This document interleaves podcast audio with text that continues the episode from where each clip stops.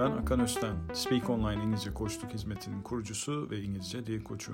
Bu podcast'te sizlere yaşadığımız pandemi dolayısıyla evrilen iş dünyası hakkında gözlemlediğim değişiklikler ve bu değişimlerin yarattığı ve yaratacağı iletişim becerileri gereksiniminden bahsetmek isterim. Burada sunulan bilgiler son günlerde çokça okuduğum makale ve katıldığım sayısız webinardan bir derleme olarak da görülebilir. İş dünyası işleyişiyle beraber son birkaç yıldır önemli ölçüde zaten değişiyordu ve 2020 yılı bu değişimi pandemiyle hızlandırmış oldu açıkçası. Covid-19 krizi jeopolitik ve sosyal değişimlere ek bir etken olarak günlük hayatımızda hızlıca yerini aldı ve yeni normal dediğimiz dünyayı oluşturdu. Gümrük vergileri ve ticaret savaşlarıyla ilgili manşetlere çıkan konuşmalara rağmen küresel ticaret Bloomberg'un da bildirdiğine göre ekonomik büyümeyi sürdürmeye devam ediyor. Donald Trump ABD'ye yeni ticaret engelleri koysa bile dünyanın geri kalan çoğu ülkesi birbirleriyle ticaret kurallarını yumuşatarak ilerliyor. Japonya ile Avrupa anlaşması bu yılın başlarında yürürlüğe girdi. Japonya ve diğer 10 Pasifik ekonomisi Transpasifik ortaklığı ile ilerliyor.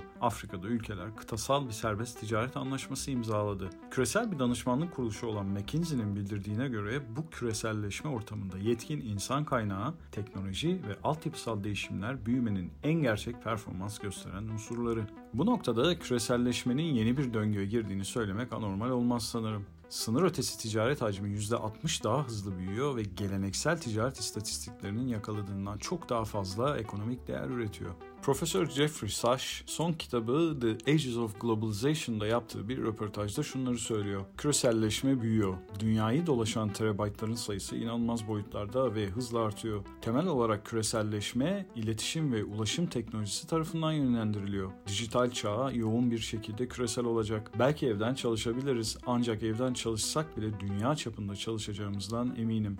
Modern iş zorluklarının karmaşıklığı işbirliğine dayalı bir yaklaşımın gereksinimini iyice arttırdı. Rebel Ideas kitabında Matthew Syed, bireyden ekip çalışmasına geçişin insan yaratıcılığındaki en önemli eğilim olduğuna işaret ediyor. Bu inkar edilemez gözlemlerle şunu vurguluyor. Bilim ve mühendislikte akademik makalelerin %90'ı artık takımlar tarafından yazılıyor. Çoğu patent artık bireylere değil ekiplere veriliyor. 25 yıl önce öz sermaye fonlarının çoğu bireyler tarafından yönetiliyordu. Bugün büyük çoğunluğu takımlar tarafından yönetiliyor. Esnek ekonomi ve çevrim içi çalışma sözleşmeli ilişkileri değiştirilmiş olsa da takım çalışmasının birçok sektörde başarının geleceği olduğu açıktır. Hollywood'un her proje için en iyi yetenekleri bir araya getirme ve dağıtma modeli bile başarı için iletişim ve işbirliğine dayanır. Bilgi yönetimi danışmanı Nick Milton ise şöyle diyor. Bir beyaz yaka için işteki değeriniz doğru doğrudan ne kadar öğrenebileceğiniz, öğrendiklerinizi ne kadar uygulayabileceğiniz ve yeni bilgileri başkalarıyla ne kadar paylaşabileceğinizle ilgilidir. Kişisel olarak ne kadar bildiğiniz değil. Uzaktan çalışmanın uzun vadeli kalıcılığı konusundaki tartışmalar muhtemelen son aylarda diğer iş konularından daha fazla gündeme geldi. %100 uzak bir iş gücü görmemiz pek olası olmasa da beyaz yaka ya da bilgi işçisi denilen kesim arasında daha geniş benimsenmenin hızlanması ikna edicidir. Çoğu çalışan bu durumdan keyif alıyor. Verimlilik artıyor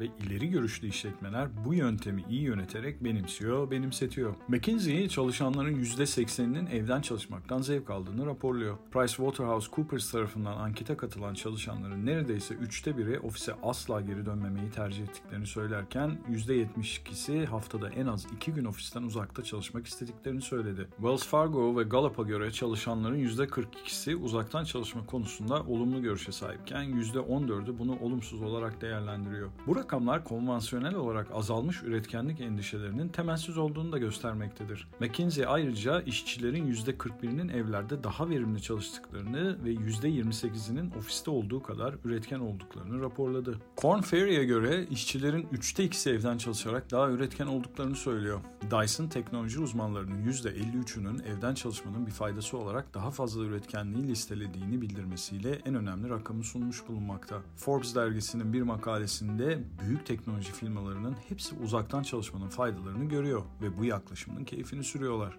Salesforce, Google, Facebook, Spotify, Slack, Shopify, PayPal ve Uber çalışanlarına yıl sonuna kadar veya 2021 yazına kadar evden çalışmaya devam edebileceklerini bildirdi bile. Twitter dahil bazı şirketler Square ve Zillow çalışanlarının istedikleri süre boyunca uzaktan çalışabileceklerini duyurdu. Bu süreçte büyük şirketler ofis maliyetlerinde de potansiyel tasarruflara odaklanmış durumda. Ancak HR Director dergisinde yayınlanan bir makalede uzaktan çalışmayı benimseyen küresel şirketleri bu yöntemle sağlanan faydalar plazaları küçültmekten çok daha derin.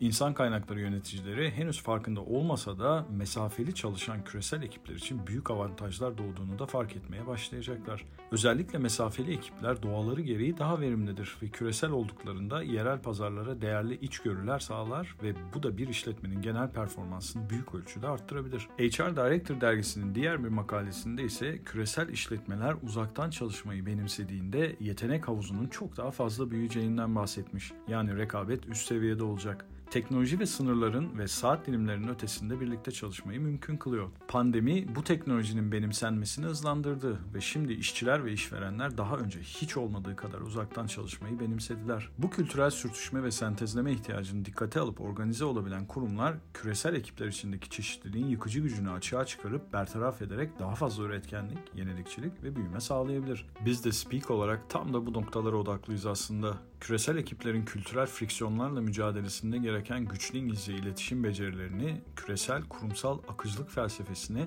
ve insan kaynağının iletişim becerilerini geliştirerek kurumlara destek sunuyoruz. Peki ya sizce yeni normalin küresel standartlarına uygun iletişim ve akışkanlık gücüne sahip bir yapıda mısınız? Bir sonraki podcast'te görüşmek üzere. Sağlıklı günler.